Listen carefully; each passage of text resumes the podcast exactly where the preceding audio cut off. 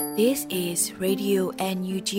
the voice of National Unity Government of Myanmar, broadcasting for Myanmar's Spring Revolution. Radio NUG is transmitting from shortwave 16 meter 17.79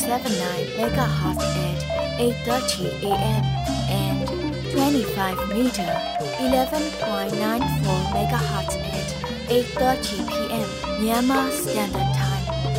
မင်္ဂလာပါရှင်။မြို့သားညီညွတ်ရေးအစိုးရရဲ့အတန်လွတ်ဌာန Radio NUG ကိုမန္တပိုင်း၈နိုင်ခွဲမှာလိုင်းတူ6မီတာ19.3ခွန်ကုန်းမဂါဟတ်စ်နဲ့ညပိုင်း၈နိုင်ခွဲမှာလိုင်းတူ25မီတာ17.3ကိုလီမဂါဟတ်စ်တို့မှာဓာတ်ရိုက်ဖမ်းယူနားဆင်နိုင်ပါပြီရှင်။မင်္ဂလာအပေါင်းနဲ့ကြိုဆိုကြပါစို့။အခုချိန်ကစပြီး Radio NUG စီစဉ်လေးကိုဓာတ်ရိုက်အတန်နဲ့ပေးနေပါပြီ မင်္ဂလာမနက်ခင်ပါရှင်ရေဒီယို NUG သောတာရှင်တွေနဲ့မြန်မာနိုင်ငံသူနိုင်ငံသားအပေါင်းတဘာဝပြီးဆက်အာနာရှင်ပြီးတို့ကနေကင်းဝေးပြီးကိုစိတ်နှပြချမ်းမာချမ်းသာလို့ဘေးကင်းလုံခြုံကြပါစေလို့ရေဒီယို NUG ဝိုင်းတော်သားတွေကဆုတောင်းမြတ်တာပို့သလိုက်ရပါတယ်ရှင်ဒီနေ့2022ခုနှစ်ဒီဇင်ဘာလ26ရက်နေ့ရေဒီယို NUG မနက်ခင်းအစီအစဉ်လေးကိုစတင်ထုတ်လွှင့်ပေးတော့မှာဖြစ်ပါတယ်။ ပထမအဦးဆုံးအနေနဲ့ Radio NUG မနက်ခင်းနောက်ဆုံးရသတင်းတွေကိုတော့လွတ်လပ်နေဦးကဖတ်ကြားတင်ပြပေးထားပါတယ်ရှင်။အခုချိန်ကစပြီး Radio NUG ရဲ့ဒီဇင်ဘာလ26ရက်နေ့မနက်ပိုင်းပြည်တွင်သတင်းများကိုစတင်ဖတ်ကြားပါပါမယ်။ကျွန်တော်ကလွတ်လပ်နေဦးပါ။ဦးဆုံးအနေနဲ့အမျိုးသားညွရေးဆိုရဂျာကာလာဒေသန္တရပြည်သူ့အုပ်ချုပ်ရေးဖော်ဆောင်မှုဗဟိုကော်မတီနဲ့အထူးအုပ်ချုပ်ရေးဒေသပြည်သူ့အုပ်ချုပ်ရေးဖွဲ့များ တွေ့ဆုံဆွေးနွေးတဲ့သတင်းကိုတင်ပြပေးပါမယ်။ဒီဇင်ဘာလ25ရက်နေ့ကအမျိုးသားညီညွတ်ရေးဆိုရဂျာကာလာဒေသန္တရပြည်သူ့အုပ်ချုပ်ရေးဖော်ဆောင်မှုဗဟိုကော်မတီနဲ့အထူးအုပ်ချုပ်ရေးဒေသပြည်သူ့အုပ်ချုပ်ရေးဖွဲ့များတွေ့ဆုံဆွေးနွေးပွဲအစည်းအဝေးအမှတ်စဉ်40မြင်းဆောင်2022ကိုကျင်းပခဲ့ကြပါတယ်။အစည်းအဝေးကိုဂျာကာလာဒေသန္တရပြည်သူ့အုပ်ချုပ်ရေးဖော်ဆောင်မှုဗဟိုကော်မတီအဖွဲ့ဝင်ပညာရေးဝန်ကြီးဌာန၊ကျန်းမာရေးဝန်ကြီးဌာနပြည်ထောင်စုဝန်ကြီးဒေါက်တာဇော်ဝေစိုးမှအဖွဲ့အမှားစကားပြောကြားခဲ့ပါတယ်။ ဆက်လက်ပြီးအထူးအောက်ချုပ်ရေးဒေသအတွင်းဗန္ဒာရေးလျှက်စစ်ဆက်သွယ်ရေးအခွန်ကောက်ခံမှုကာကွယ်ရေးကျန်းမာရေးပညာရေးတရားစီရင်ရေးတရားစာတနဲ့တဘာဝပတ်ဝန်းကျင်ထိမ့်သိမ့်ရဲ့ပါဝင်ကန္တာအလိုက်လုပ်ငန်းဆောင်ရွက်ထားရှိမှုများကိုဌာနဆိုင်ရာများမှရှင်းလင်းဆွေးနွေးခဲ့ကြပြီးအထူးအုပ်ချုပ်ရေးဒေသပြည်သူ့အုပ်ချုပ်ရေးအဖွဲ့များမှမြေပြင်ကြုံတွေ့နေရတဲ့အခက်အခဲများနဲ့သိရှိလိုတာများကိုအပြန်အလှန်ဆွေးနွေးခဲ့ကြပါတယ်။အစည်းအဝေးကိုဂျာကာလာဒေသန္တရ ပြည်သူ့အုပ်ချုပ်ရေးဖော်ဆောင်မှုဗဟိုကော်မတီဝင်ပြည်ထောင်စုဝန်ကြီးများဒုတိယဝန်ကြီးများအမြဲတမ်းအတွင်းဝန်များတွဲဘက်အမြဲတမ်းအတွင်းဝန်များဌာနဆိုင်ရာတည်တည်မှတာဝန်ရှိသူများအထူးအုပ်ချုပ်ရေးဒေသမှပြည်သူ့အုပ်ချုပ်ရေးအဖွဲ့ခေါင်းဆောင်များအဖွဲ့ဝင်များတက်ရောက်ခဲ့ကြတယ်လို့သိရှိရပါတယ်ခင်ဗျာဖက်စစ်စစ်တပ်ကိုအမြင့်ဖြတ်ရမယ်လို့ပြည်ထောင်စုဝန်ကြီးဒေါက်တာဇော်ဝေဆိုးကပြောဆိုလိုက်ပါတယ်ဒီဇင်ဘာလ25ရက်နေ့မှာခရစ်စမတ်နေ့ထူးနေ့မြတ်မှာပြည်ထောင်စုဝန်ကြီးဒေါက်တာဇော်ဝေဆိုးက ကျေးဇူးတင်စကားဆိုရင်အခုလိုထည့်သွင်းပြောကြားသွားပါတယ်ကျေးဇူးတင်ပါတယ်တတိကောင်းသောဇွဲကောင်းသောပြည်သူများခင်ဗျာကျေးဇူးတင်ပါတယ် PDF ရဲဘော်များနဲ့ EAO ရဲဘော်များခင်ဗျာဖတ်စစ်စစ်တပ်အမြင့်ဖြတ်ရပါမယ်လို့ဆိုပါတယ်2021ခုနှစ်စက်တင်ဘာလ9ရက်နေ့မှာပြည်သူခုခံတွန်းလှန်စစ်ကိုအမျိုးသားညီရေးအစိုးရကကြေညာခဲ့ပါတယ်လက်ရှိမှာစစ်ရေးအရှိန်မြင့်တင်လျက်ရှိပြီး2023ခုနှစ်ကိုတနှစ်တာတော်လိုင်းရေးစီမံချက်များရေးဆွဲပြီး အကောင့်ထဲပေါ်လျက်ရှိပါတယ်ခင်ဗျာမြန်မာနိုင်ငံသားအလုံးအတူတကွစီးလုံးကြရင်ຫນွေဦးတော်လန်ရေးဟာအောင်ပွဲမြင်မြန်ရမှာဖြစ်တယ်လို့ဒုဝန်ကြီးဣတင်စာမောင်ကပြောဆိုလိုက်ပါတယ်ဒီဇင်ဘာလ25ရက်နေ့မှာခရစ်စမတ်နဲ့ပတ်သက်လို့အမျိုးသမီးလူငယ်နဲ့ကလေးငယ်ကြီးရာဒုဝန်ကြီးဣတင်စာမောင်ကပြောဆိုပါတယ်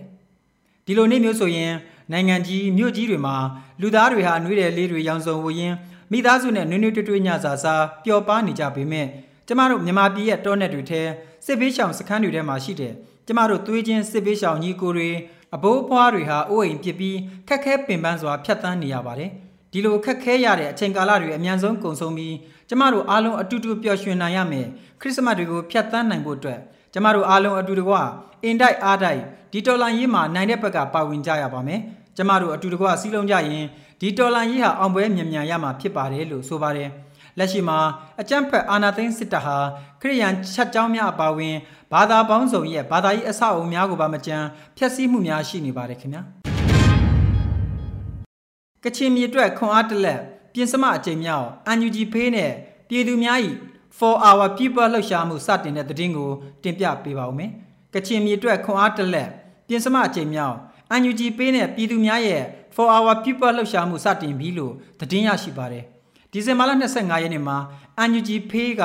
အခုလိုအသိပေးပြောဆိုထားပါတယ်ပြင်စမအကြိမ်မြောက် UNG ဖေးနဲ့ပြည်သူများ၏ for our people လှုပ်ရှားမှုတွင်ကချင်ဒေသတော်လိုင်းအင်အားစုများအတွက်ဝန်ရံသွားပါမယ်လို့ဖော်ပြထားပါတယ်ပြည်သူများရဲ့လှူဒန်းမှုများအားဇန်နဝါရီလ9ရက်နေ့ထိလက်ခံသွားမှာဖြစ်ပြီးတိုက်ပွဲဒေသများရောက်ပေးပို့သွားမှာဖြစ်တယ်လို့သိရပါတယ်ခင်ဗျာ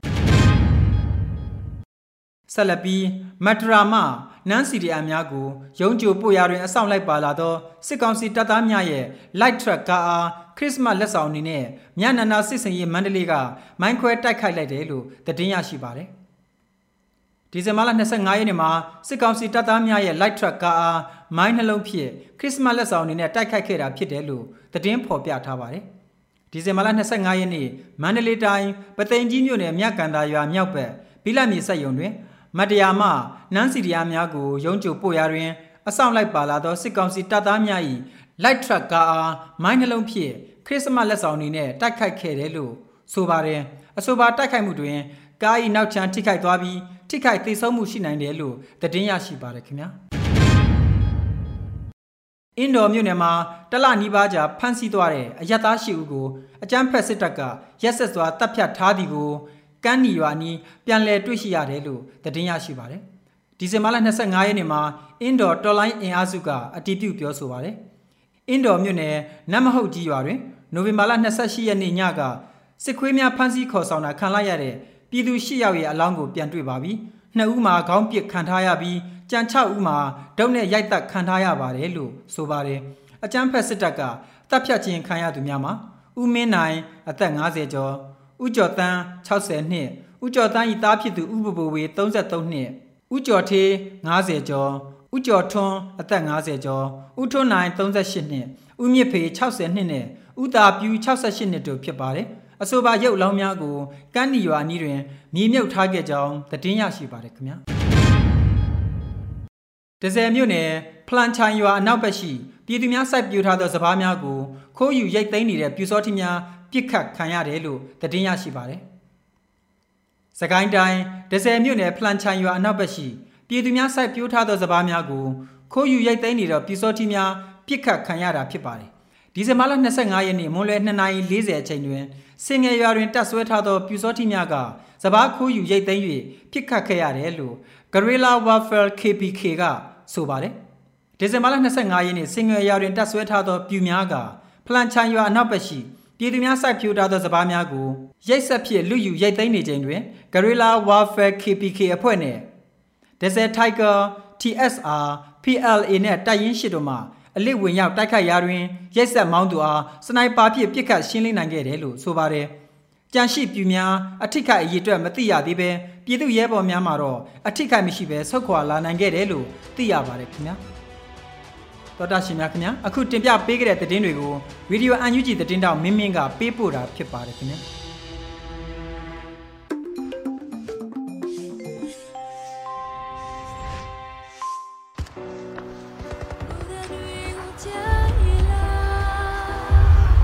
ဒီငွေဥဒေါ်လာရေးမှာအကျန်းဖက်စစ်အာဏာရှင်တွေရဲ့ရက်စက်ကြမ်းကြုတ်မှုကြောင့်အသက်ပေးခဲ့ရတဲ့ငွေဥသူရဲကောင်းတွေများစွာရှိပါတယ်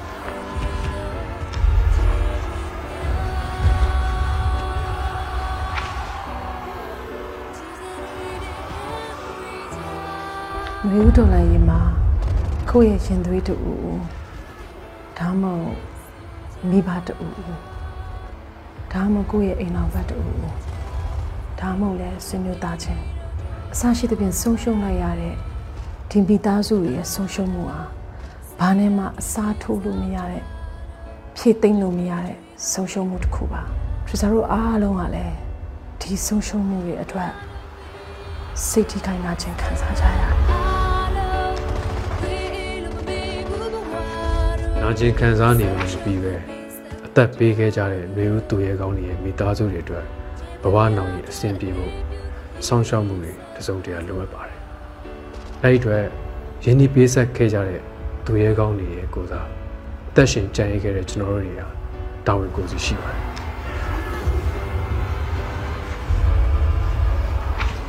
တော်လိုင်းရင်မှာမြင့်မြတ်စွာအသက်ပေးလှူခဲ့ကြတဲ့ຫນွေဦးသူရဲကောင်းတွေကိုဂုဏ်ပြုရလဲရောက်တယ်လို့ ဒီသူရဲကောင်းတွေရဲ့ကြံရစ်သူမိသားစုတွေအတွက်လည်းတစုံတရာနှစ်သိမ့်မှုပေးရရောက်တယ်လို့ຫນွေဦးတော်လိုင်းရင်အောင်မြင်ဖို့အတွက်အထောက်အကူပြုရလဲရောက်တဲ့တို့ຫນွေဦးသူရဲကောင်းများအတွက်ငွေတိုက်စာချုပ်အစီအစဉ်မှာတက်အားသည့်၍ပါဝင်ပေးကြဖို့အတွက်သူသူဖိတ်ခေါ်ပါရစေရှင် တော်လန်ရဲ့အတွက်အသက်ပေးလူခဲ့တဲ့ຫນွေဦးသူရဲကောင်းတွေကိုရည်စူးပြီးတော့သူတို့ရဲ့ကြံရည်သူမိသားစုတွေအတွက်အထောက်အပံ့တစ်စုံတရာဖြစ်ဖို့ တို့ຫນွေဦးသူရဲကောင်းများအတွက်ငွေတိုက်စာချုပ်တွေကိုဝယ်ယူအားပေးရှင်နေဆိုရင်တော့ www.facebook.com/ourspringheroes Facebook page ကနေတစ်ဆင့်တိုက်ရိုက်ဝယ်ယူနိုင်ပါတယ်ရှင်မြေဥတော်လိုင်းရေးမှာမြင့်မြတ်စွာအသက်ပေးခဲ့ကြရတဲ့သူရဲကောင်းတွေရဲ့အမိပါတဲ့ဘွန်စာချုပ်တွေကိုအလူရှင်တွေရဲ့လက်ထဲကိုပေးပို့သွားမှာဖြစ်ပြီးတော့တော်လိုင်းရေးအောင်တဲ့တနေ့ NUG ကဘောင်းငွေတွေပြန်ထုတ်ပေးတဲ့အခါမှာတော့ဒီငွေတွေကိုကျန်ရည်သူမိသားစုတွေရဲ့လက်ထဲရောက်အောင် PPTV နဲ့သက်ဆိုင်ရာတာဝန်ရှိဝန်ကြီးဌာနတွေကတာဝန်ယူပေးပို့ပေးသွားမှာဖြစ်ပါတယ်။အကယ်၍များကျန်ရည်သူမိသားစုတွေနဲ့ဆက်သွယ်မရတာမျိုးစက်ခံမဲ့မိသားစုဝင်တယောက်ယောက်မရှိတော့တာမျိုးဒီလိုကိစ္စမျိုးတွေဖြစ်လာမယ်ဆိုရင်တော့ဒီငွေတွေကိုကြားဆုံးသူရဲကောင်းတွေနဲ့သက်ဆိုင်တဲ့ကိစ္စရပ်တစ်ခုခုမှာထည့်သွင်းအသုံးပြုသွားမှာဖြစ်ပါတယ်တော်လန်ရေးကြီးအပြီးမှာကွက်ကွက်နေတဲ့အချို့သောမိသားစုဝင်တွေဟာပြန်ဆောင်ကြမှာဖြစ်ပေမဲ့ဘယ်တော့မှပြန်မဆောင်နိုင်တော့တဲ့ မိသားစုဝင်တွေလည်းရှိနေမှာအသေးကြပါပဲတော်လန်ရေးအတွက်မြင့်မြတ်စွာအသက်ပေးခဲ့ကြတဲ့နေဦးသူရဲကောင်းတွေရဲ့ကြံရစ်မိသားစုဝင်များကိုအသက်ရှင်ကြံရစ်ခဲ့ကြတဲ့ကျွန်တော်တို့အားလုံးကဝိုင်းဝန်းဆောင်ရှောက်အောင်ပါအားလုံးရဲ့တောင်းပါကြီးတော့ပေါ်အောင်ပါ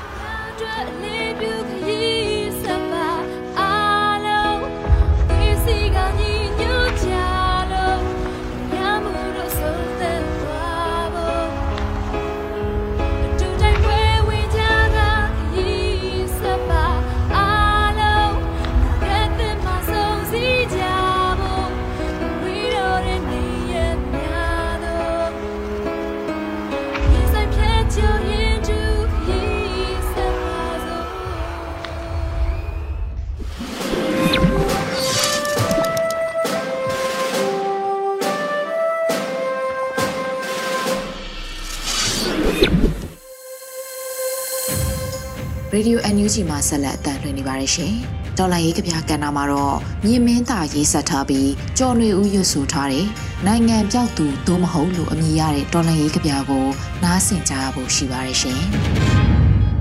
နိုင်ငံပျောက်သူသို့မဟုတ်နိုင်ငံပျောက်သူဆိုတာကြေကွဲစရာတသက်ပြဖြစ်သွားတဲ့ secret တွေမဟုတ်ဝိညာဉ်လှခြင်းလိပ်ပြတန့်ခြင်းတမိုင်းကြောင်ကောင်းခြင်းတွေနဲ့ထုံမွန်းတဲ့ခိတ္တခေရဲ့မြစ်တစင်း မဆိုနဲ့တဲ့နှုတ်ဖျားကဆိုချလိုက်တိုင်းနှလုံးသားကငိုရလို့ပါအမေအိမ်ဆိုတဲ့တခြင်းလေးဟာဟိုးနှစ်ပေါင်းများစွာကတည်းကတောတောင်တွေထဲမှာထောင်နှံရံတွေအတွင်းမှာရှိနှင့်နေခဲ့တာဆယ်စုနှစ်သုံးခုအကျော်မှာမှလူငယ်တွေနဲ့အတူကြေကွဲစွာစုံကြီးနေရပြန်ပြီမျက်ရည်တွေနဲ့တီဆိုခြင်းကဒီတစ်ခါနောက်ဆုံးဖြစ်ရစီမယ်ဒါပေမဲ့အောင်မွဲခံတဲ့တရက်မှာတော့ အမေအိမ်တချင်းကို အခောက်ခောက်အခါခါတီဆိုအောင်မယ်အကြီးအပြုံးတွေနဲ့ပေါ့တေသူတွေတေလျက်နဲ့ရှင်းနေချိန်မှာရှင်သူတွေရှင်လျက်နဲ့တေးနေကြတယ်မင်းကရောဘယ်ဘဝထဲမှာလဲအရှုံးမပေးနဲ့တဲ့ဘယ်တော့မှမပေးခဲ့ပါဘူးနတ်မောင်သပင်များမှသည်တကောင်းလုံးဖြူပွေးသည့်အထိအမှန်တရားအတွက်ဆိုအရှုံးပေးတဲ့ရက်ဆွဲငါတို့ပြက်ကလေးထဲမှာမရှိခဲ့ဘူးတောင်းတယောက်နိုင်ငံပြောက်နေတယ် ပိုင်ဖြိုးသူနိုင်ငံပြောက်နေတယ်ခွေးကလေးနိုင်ငံပြောက်နေတယ်မင်းတို့ငါတို့အားလုံးနိုင်ငံပြောက်နေတယ်ဒါပေမဲ့ချစ်ချင်းစာနာခြင်းဖေးမခြင်းတွေနဲ့လောကပါလာတရားအောက်ယုံကြည်ချက်ခိုင်မာတဲ့ကဘာတစ်ဖက်မှာငါတို့အတူရှိနေတယ်။ဟုတ်တယ်။ຫນွေဦးနိုင်မဲ့ကဘာတစ်ဖက်မှာငါတို့အတူရှိနေတယ်။မြင့်မင်းတာ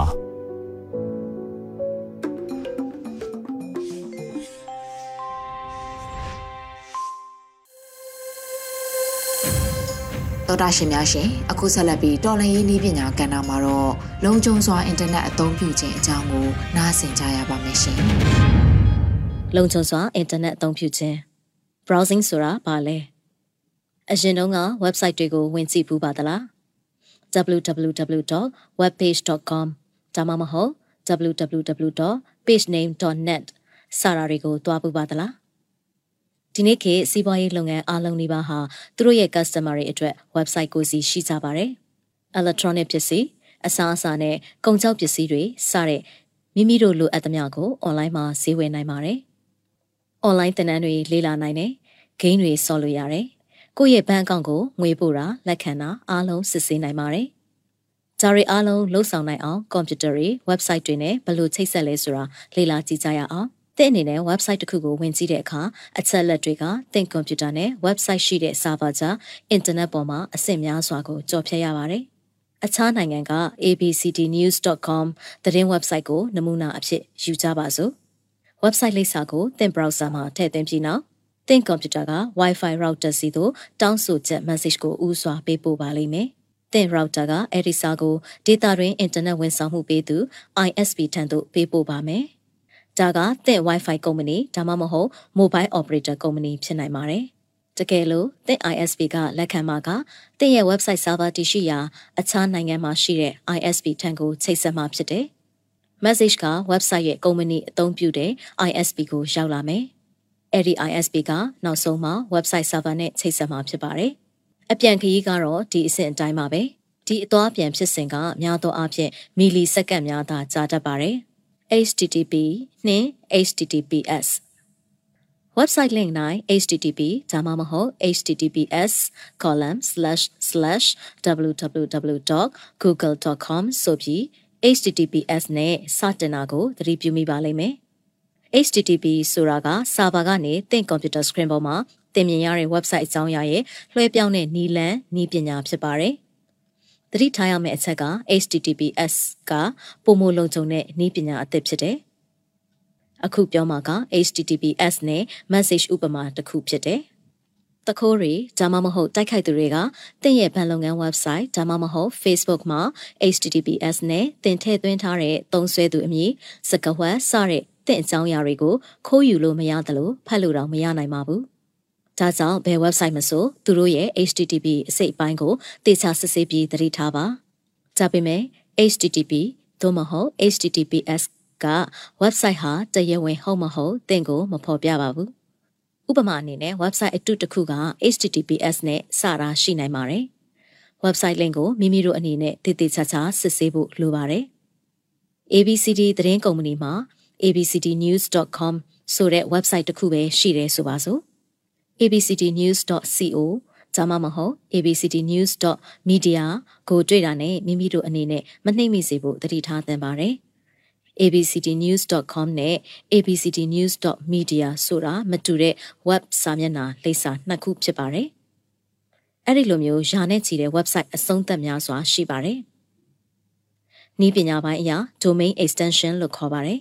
။နာမည်စလုံးပေါင်းကိုလည်းသေချာစစ်ဆေးသင့်ပါတယ်။ဥပမာ abcddnews.com ဒါမှမဟုတ် abcdnews.com ဒါမှမဟုတ် abcdnews2.com သင်ကွန်ပျူတာမှာအန်ရရှိတဲ့ software တွေကို download ဆွဲနိုင်တာကြောင့် website အတုတွေကိုမနှိမ့်မိတာအကောင်းဆုံးဖြစ်ပါတယ်။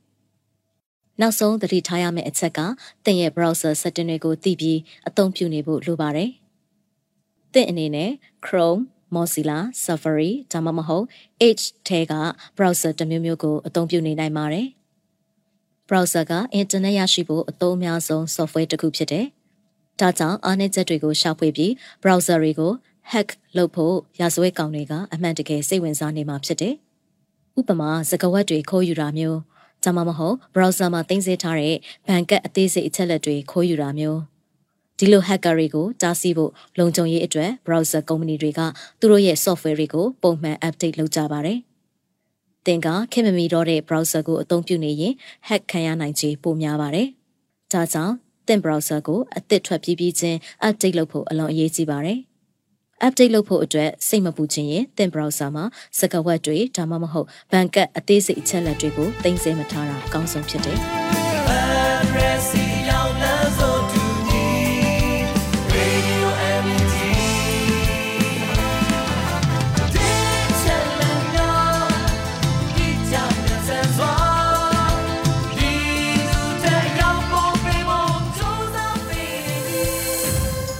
Radio NUG သောတာရှင်များရှင်အခုဆက်လက်ပြီးပြည်သူခုခံစစ်တရင်တွေကိုတော့ကြော်ຫນွေဦးကတင်ပြပေးမှာဖြစ်ပါတယ်ရှင်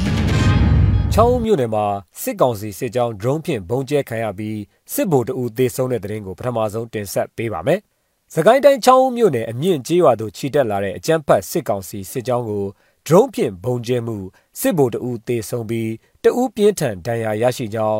MRA စကိုင်းခရိုင်တပ်ရင်း9မှတော်လှန်ရေးရဲဘော်တအူကပြောပါတယ် ဒီဇင်ဘာလ24ရက်နေ့နနက်7:30မိနစ်အချိန်ချောင်းဦးမြို့နယ်အမြင့်ကျေးရွာကိုရေလန်းကျောင်းမှတဆင့်အင်အားတိုးချဲ့လာတဲ့စစ်ကောင်စီတပ်ကို drone ဖြင့်ဘုံကျဲတိုက်ခိုက်ခဲ့ခြင်းဖြစ်ပါတယ်။တိုက်ခိုက်မှုမှာတပွင့်ဘိုတယောက်နေရာတွင်တေဆုံးပြီးတယောက်ကပြင်းထန်ဒဏ်ရာရရှိကြောင်းသိရတာပါ။စစ်ကောင်စီရဲ့ရဟတ်ရင်ရောက်လာပြီးပြစ်ခတ်မှုတွေလုပ်ခဲ့ပေမဲ့ပြည်သူတွေရောရဲဘော်တွေပါထိခိုက်မှုမရှိခဲ့ကြောင်းသိရပါတယ်။ ကော့ဂရိတ်မှာစစ်ကောင်စီရဲ့တန်ချက်ကအမြောက်ကားနှစ်စီးကို drone ဖြင့်ဘုံကျဲချရာ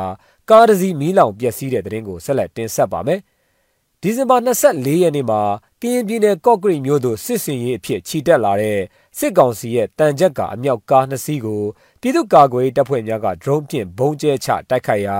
တန်ချက်ကအမြောက်ကားတစ်စီးမီးလောင်ပျက်စီးသွားကြောင်းသိရှိရပါတယ်။ drone ဖြင့်ဘုံကျဲမှုမှာစစ်သား2ဦးသေပြီး4ဦးဒဏ်ရာရရှိကြောင်းလည်းသိရပါတယ်။ ကော့ဂရိတ်ဒေသပြည်သူတချို့ကလည်းစစ်ကောင်စီရဲ့တန်ချက်ကအမြောက်ကားတစ်စီးမီးလောင်ပျက်စီးပြီးမောင်းမရတော့ဘူးဟုပြောဆိုကြပါတယ်။အကြမ်းဖက်စစ်ကောင်စီတပ်က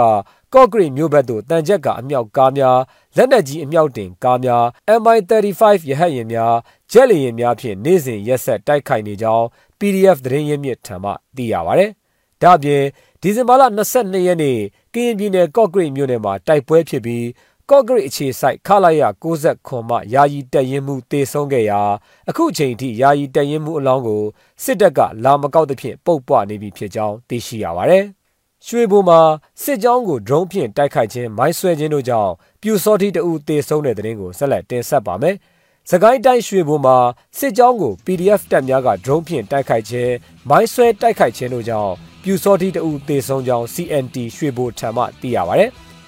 ရွှေဘုံမြို့နယ်အနောက်ချမ်းရှိတီးလုံးကျေးရွာမှပြူစောတိများဟာဒီဇင်ဘာလ24ရက်နနက်9နာရီခန့်ကကျေးရွာအပြင်ဘက်သို့ထွက်လာစဉ်အသစ်ထောင်ထားတဲ့မိုင်းဖောက်ခွဲတိုက်ခိုက်ခဲ့ရာပြူစောတိခေါင်းဆောင်ဇော်ဝင်းအောင်နဲ့မြင့်ခိုင်တို့အပြင်းအထန်ဒဏ်ရာရရှိသွားကြောင်းသိရပါဗျ။အဲဒီလိုတိုက်ခိုက်ခံရပြီးတဲ့နောက်ပြူစောတိများဟာကျေးရွာအတွင်းပြန်ဝင်သွားပြီးစစ်တပ်ကိုစစ်ကူခေါ်ကြောင်းရွှေဘိုရေဦးလမ်းပိုင်းညောင်မင်းသားရွာနဲ့လိတ်ချင်းရွာကြားရှိ စိုက်ပျိုးရေးနဲ့အသက်မွေးဝမ်းကြောင်းတိတ်ပံမှာအထိုင်ချတက်ဆွဲထားတဲ့စစ်ကြောင်းကစစ်ကူအဖြစ်လာရောက်စဉ်ဒရုန်းဖြင့်ဘုံကျဲတိုက်ခိုက်ခဲ့ရာအကြမ်းဖက်စစ်သားပြူစောတိအများပြားဒဏ်ရာရရှိခဲ့ကြောင်းသိရပါတယ်။ရွှေဘုံမြို့နယ်အနောက်ချမ်းရှိတဲသီးတော်ရွာမှပြူစောတိများကတီးကုန်းရွာရှိပြူစောတိများကိုကူညီရန်တက်ကူထွက်လာစဉ်ပြည်သူ့ကာကွယ်တပ်ဖွဲ့များကပြစ်ခတ်တိုက်ခိုက်ခဲ့ရာပြူစောတိတအူတေဆုံးခဲ့ကြောင်းသိရပါတယ်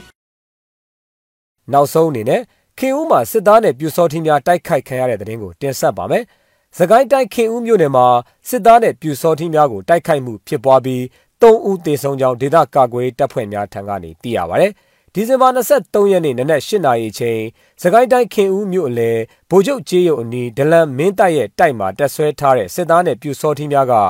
ဘူဒါပန်းကြံကန်တို့ငါးဖမ်းပိုက်များဖြုတ်ယူရန်လာရောက်စဉ် PDF ကမိုင်းဆွဲတိုက်ခိုက်ခဲ့ရာစစ်ကောင်စီတပ်ဖွဲ့ဝင်3ဦးသေဆုံးပြီး2ဦးအပြင်းထန်ဒဏ်ရာရရှိကြောင်းခင်ဦးမြို့ပြပျောက်ကြား UG အဖွဲ့ကပြောပါတယ်။မိုင်းဆွဲမှုကြောင့်သေဆုံးသွားတဲ့စစ်သားနဲ့ပြူစောတိ3ဦးကိုဒီဇင်ဘာ24ရက်နေ့ညနေ9:00နာရီကျော်မှာခင်ဦးတောင်တုတ်တန်တွင်မိတကြိုသွားကြောင်းသိရှိရပါတယ်ခင်ဗျာ။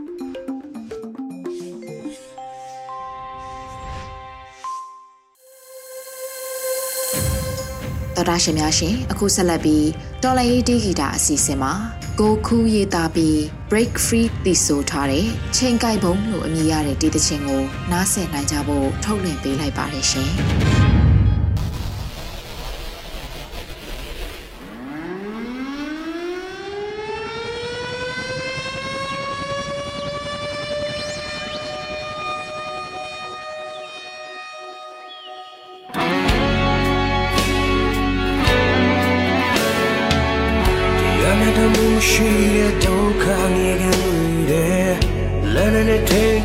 ချုပ်ထားစနေတွေမှာကျွေးလွန်သွားတဲ့သမ်းနဲ့ဘဝတွေရန်ညမြရက်တန်သွားလဲလုံးဝကောင်းတဲ့ကိုမထဲတင်ပတ်စုပ်ထားတဲ့လောက်ကွန်းတဲ့အာနာဒီနေဖို့အတွက်ဇက်တူတော့တဲ့ yeah yeah သူတေးတေးဒီမှာရင် လောက်တန်းစားဆောင်ချင်တဲ့အာနာသိနေမနာကရေကုန်ဖန်ကတော့ဖြစ်နေကြိုရနေဘုံချု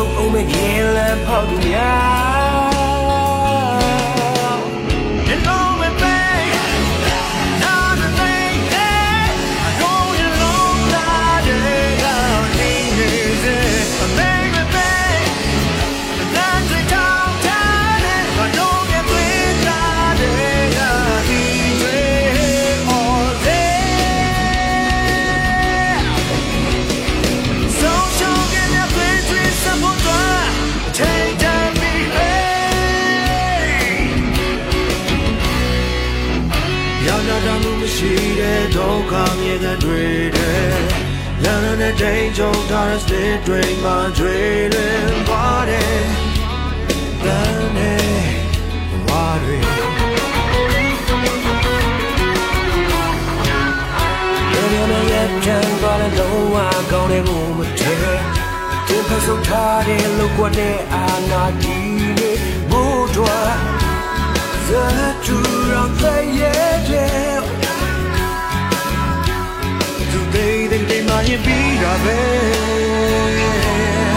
Long dance out out in the ana day yeah Na ga ye kong plan la Get back one ကြောက်ရ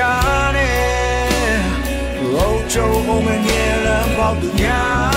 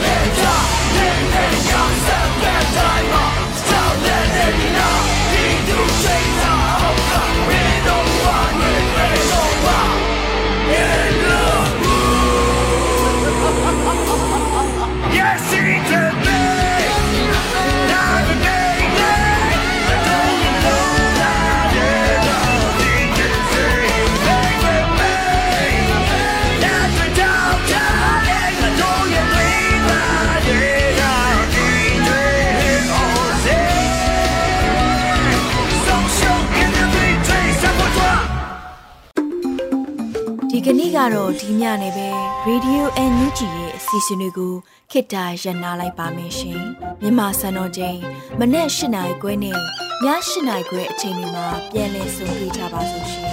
Radio NUG ကိုမနေ့ပိုင်း၈နိုင်ခွဲမှာလိုင်းတူ16မီတာ19တက်တမခုကူမဂါဟတ်နဲ့ညပိုင်း၈နိုင်ခွဲမှာလိုင်းတူ25မီတာ17တက်တမ6မဂါဟတ်တို့မှာဓာတ်ရိုက်ဖမ်းယူနားဆင်နိုင်ပါပြီရှင် မြန်မာနိုင်ငံသူနိုင်ငံသားများကိုယ်စိတ်နှဖျားစမ်းမချမ်းသာလို့ဘေးကင်းလုံခြုံကြပါစေလို့ Radio NUG ရဲ့ဖွဲ့သူဖွဲ့သားများကဆုတောင်းလိုက်ရပါတယ်။ San Francisco Bay Area အခြေစိုက်မြန်မာမိသားစုများနဲ့နိုင်ငံတကာကစေတနာရှင်များလို့အားပေးကြရဲ့ Radio NUG ဖြစ်ပါတယ်ရှင်။အရေးတော်ပုံအောင်ရမည်။